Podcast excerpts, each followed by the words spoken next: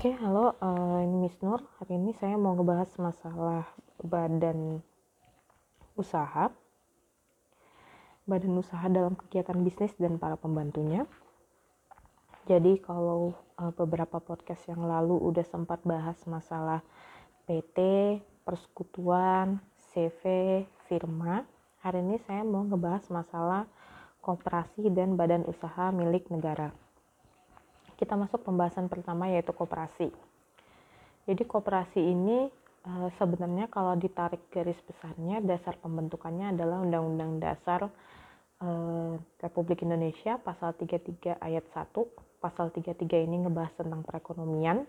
Nah, di pasal 33 ayat 1 ini dibilang bahwa perekonomian di Indonesia disusun sebagai usaha bersama berdasarkan asas kekeluargaan. Nah, salah satu bentuk perwujudannya inilah yang uh, kita kenal dengan uh, koperasi yang berusaha berperan nyata mengembangkan dan memberdayakan tata ekonomi nasional berdasarkan asas kekeluargaan dan demokrasi ekonomi untuk mewujudkan masyarakat maju, adil, dan makmur. Untuk dasar hukumnya sendiri, ada di Undang-Undang Nomor 17 Tahun 2012 tentang perkoperasian yang sebelumnya dia uh, dikenal dengan Undang-Undang Nomor 25 Tahun 92. Jadi dirubah di tahun 2012. Nah, pengertian dari koperasi dari undang-undang ini di pasal 1 angka 1 dibilang Koperasi adalah badan hukum yang didirikan oleh orang perseorangan atau badan hukum koperasi dengan pemisahan kekayaan para anggotanya sebagai modal untuk menjalankan usaha yang memenuhi aspirasi dan kebutuhan bersama di bidang ekonomi, sosial, dan budaya sesuai dengan nilai dan prinsip koperasi.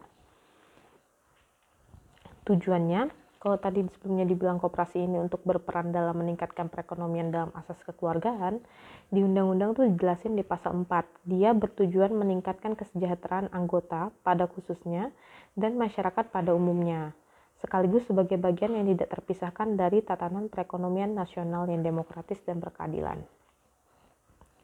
Tadi kan dibilang di pasal 1 angka 1 Undang-Undang Nomor 17 tahun 2012 bahwa uh, koperasi ini dalam menjalankan kegiatannya berdasarkan dengan prinsip-prinsip koperasi.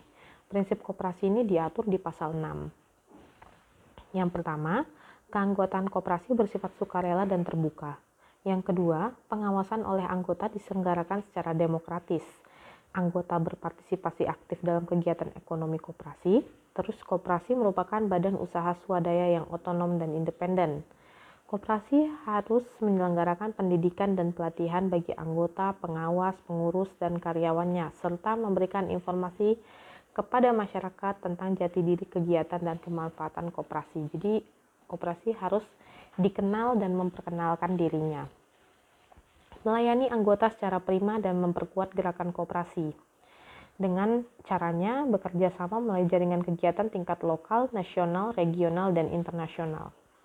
Terus kooperasi bekerja untuk pembangunan berkelanjutan bagi lingkungan yang masyarakatnya melalui kebijakan yang disepakati oleh anggotanya. Prinsip yang tadi saya sebutin tersebut adalah sumber inspirasi dan menjiwai secara keseluruhan organisasi dan kegiatan usaha kooperasi sesuai dengan maksud dan tujuan pendiriannya. Untuk membentuk kooperasi, kooperasi itu bisa didirikan perseorangan, kooperasi primer, atau dia bisa juga dalam bentuk badan hukum atau koperasi sekunder. Untuk koperasi primer sekurang-kurangnya dibutuhkan 20 orang. Sedangkan untuk koperasi sekunder itu dibentuk sekurang-kurangnya tiga koperasi. Usaha koperasi adalah usaha yang berkaitan langsung dengan kepentingan anggota untuk meningkatkan usaha dan kesejahteraan anggotanya baik bentuk primer maupun sekunder dia harus dengan akta pendirian yang memuat anggaran dasar, status koperasi sebagai badan hukum, terus harus disahkan oleh pemerintah dengan mengajukan permohonan tertulis ke kantor Departemen Koperasi dan Pembina Usaha Kecil Menengah Kabupaten atau kota Madia di mana koperasi bertempat. Untuk modal ini diatur di pasal 66. Jadi dia ada modal koperasi yang dari setoran pokok dan sertifikat modal koperasi sebagai modal awal. Terus juga ada sumber lainnya, pertama misalnya hibah, modal penyertaan, modal pinjaman yang berasal dari anggota atau koperasi lainnya, atau anggota koperasi lainnya, bank dan lembaga keuangan, penerbitan obligasi dan surat hutang lain sama pemerintah dan pemerintahan daerah. Atau bisa juga sumber lain yang sah tidak bertentangan dengan anggaran dasar dan ketentuan perundang-undangan. Nah, terus di tadi kan pasal 66 mengatur tentang modal. Di 74 itu ada lagi penjelasan detailnya Hibah yang diberikan oleh pihak ketiga yang berasal dari sumber modal asing, baik langsung maupun tidak langsung, dapat diterima oleh koperasi dan dilaporkan kepada menteri. Tidak dapat dibagikan secara langsung atau tidak langsung kepada anggota, pengurus, dan pengawas. Jadi modal yang dari asing sumbernya harus dilaporkan dan tidak bisa diserahkan dibagi-bagi ke dalam orang-orang yang ada di koperasinya, yaitu anggota, pengurus, dan pengawasnya dilaksanakan sesuai dengan perundang-undangan. Terus di pasal 75 ada dibilang bahwa koperasi dapat menerima modal penyertaan dari pemerintah sesuai ketentuan perundang-undangan atau masyarakat berdasarkan perjanjian penempatan modal penyertaan. Nah, kalau misalnya ada modal penyertaan, maka dia wajib turut menanggung resiko dan bertanggung jawab terhadap kerugian usaha yang dibiayai dengan modal penyertaan sebatas nilai modal pernyataan yang ditanamkan dalam koperasi. Jadi dia turut menanggung risiko dan bertanggung jawab dan juga mendapat bagian keuntungan yang diperoleh dari usaha yang dibiayai dengan modal penyertaan. Di pasal 31 itu ngejelasin pasal 31 Undang-Undang Nomor 17 Tahun 2012 ngejelasin tentang perangkat koperasi. Perangkatnya itu ada rapat anggota, pengawas, sama pengurus. Rapat anggota merupakan pemegang kekuasaan tertinggi. Dihadiri oleh anggota, pelaksananya diatur di anggaran dasar.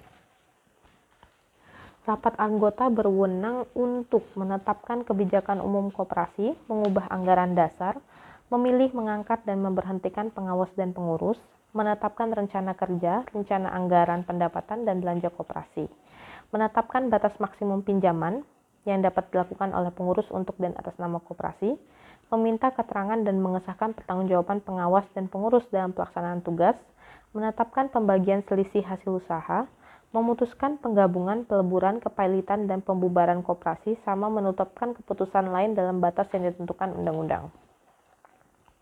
Itu wewenang dari rapat anggota.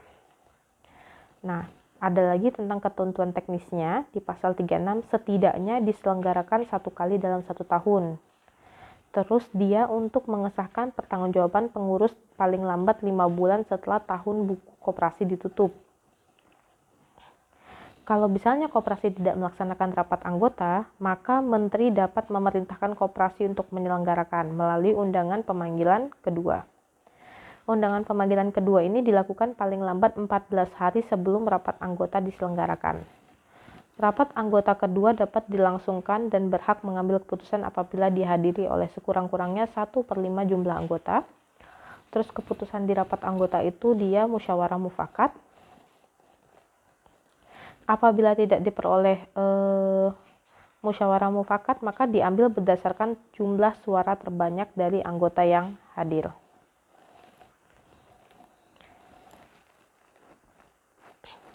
Selain rapat anggota yang sifatnya tahunan, dapat juga dilakukan rapat anggota luar biasa apabila keadaan mengharuskan adanya keputusan segera yang wewenangnya ada pada saat rapat anggota.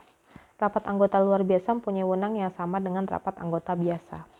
Jadi bedanya rapat anggota itu kan dia tahunan, kalau misalnya anggota, rapat anggota luar biasa ini dia ada di situasi dan kondisi tertentu. Oke, masuk perangkat organisasi koperasi yang kedua. Ada pengawas uh, dia dipilih di rapat anggota, bertanggung jawab kepada rapat anggota. Ketentuannya ada di pasal 48 Undang-Undang 17 tahun 2012. Dipilih dari dan oleh anggota pada rapat anggota. Syaratnya untuk jadi pengawas tidak pernah menjadi pengawas atau pengurus suatu koperasi atau komisaris atau direksi suatu perusahaan yang dinyatakan bersalah karena menyebabkan koperasi atau perusahaan itu dinyatakan pailit. Jadi dia Eh, nggak boleh dari uh, entitas organisasi yang bermasalah. Tidak pernah dihukum karena melakukan tindak pidana yang merugikan korporasi, keuangan negara, dan atau berkaitan dengan sektor keuangan dalam waktu lima tahun sebelum pengangkatan. Terus untuk persyaratan lainnya bisa dilihat di anggaran dasar masing-masing koperasi. Tugas pengawas, mengusulkan calon pengurus, memberi nasihat dan pengawasan kepada pengurus, melakukan pengawasan terhadap pelaksanaan kebijaksanaan, kebijakan dan pengelolaan koperasi yang dilakukan pengurus sama melaporkan hasil pengawasan pada rapat anggota. Itu tugasnya. Wewenangnya? Menetapkan penerimaan dan penolakan anggota baru, pemberhentian anggota sesuai dengan anggaran dasar. Meminta dan mendapatkan segala keterangan yang diperlukan dari pengurus dan pihak lain terkait, mendapatkan laporan berkala tentang perkembangan usaha dan kinerja koperasi serta pengurus, memberikan persetujuan atau bantuan kepada pengurus dalam melakukan perbuatan hukum tertentu, dapat memberhentikan pengurus untuk sementara waktu dengan menyebutkan alasannya. Tugasnya, wewenangnya, sekarang kewajibannya wajib menjalankan tugas dengan itikat baik dan penuh tanggung jawab untuk kepentingan koperasi. Bertanggung jawab atas pelaksanaan tugasnya kepada rapat anggota. Itu pengawas, sekarang kita masuk ke pengurus.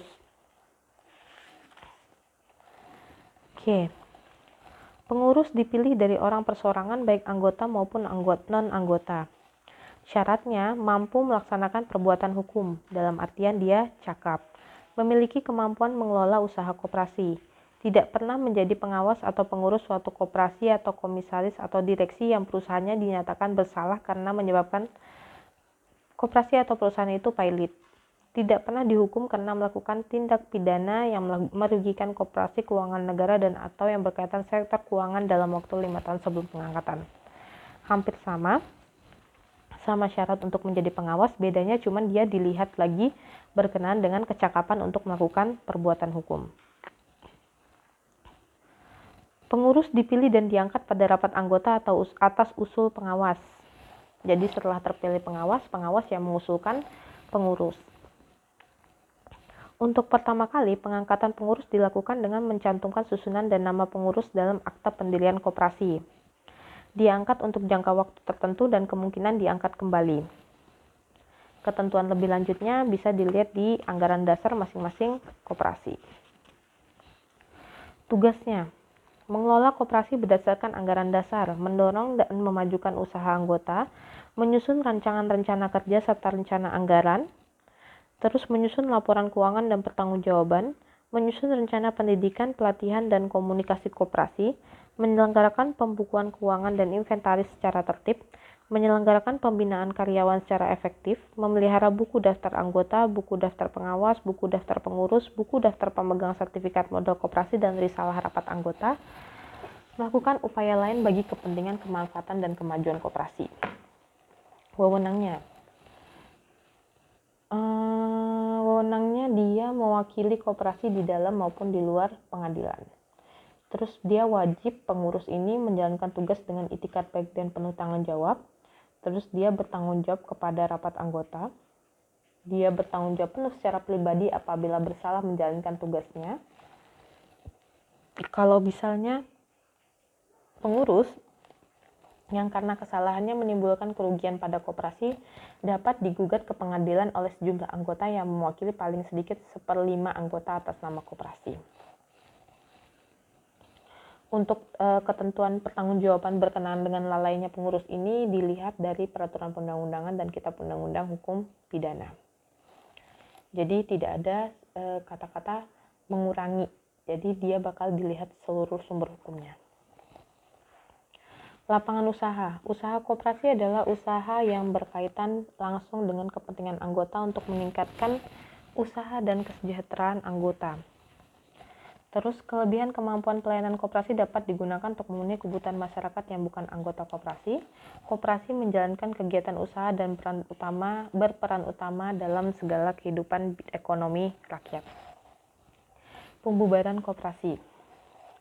Koperasi dibubarkan eh, satu untuk penyelesaian terhadap pembubaran harus dibentuk tim penyelesai.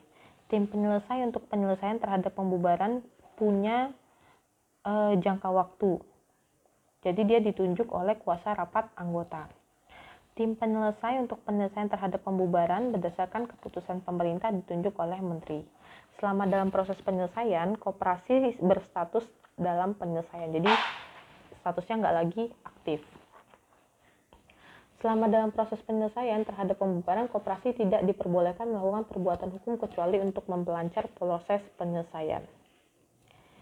E, tugas dan fungsi penyelesai melakukan pencatatan dan penyusunan informasi tentang kekayaan dan kewajiban koperasi, memanggil pengawas, pengurus, anggota, karyawan, pihak lain yang diperlukan, baik sendiri maupun bersama, menyelesaikan hak dan kewajiban keuangan terhadap pihak ketiga, membagikan sisa hasil penyelesaian kepada anggota, melaksanakan tindak lain yang diperlukan, membuat berita acara penyelesaian dan laporan kepada menteri, sama mengajukan permohonan untuk diumumkan dalam berita negara Republik Indonesia.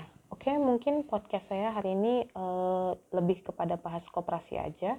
Podcast selanjutnya mungkin kita bakal bahas uh, badan usaha terakhir yaitu badan usaha milik negara. Terima kasih sudah mendengarkan podcast saya. Semoga podcast ini bisa bermanfaat.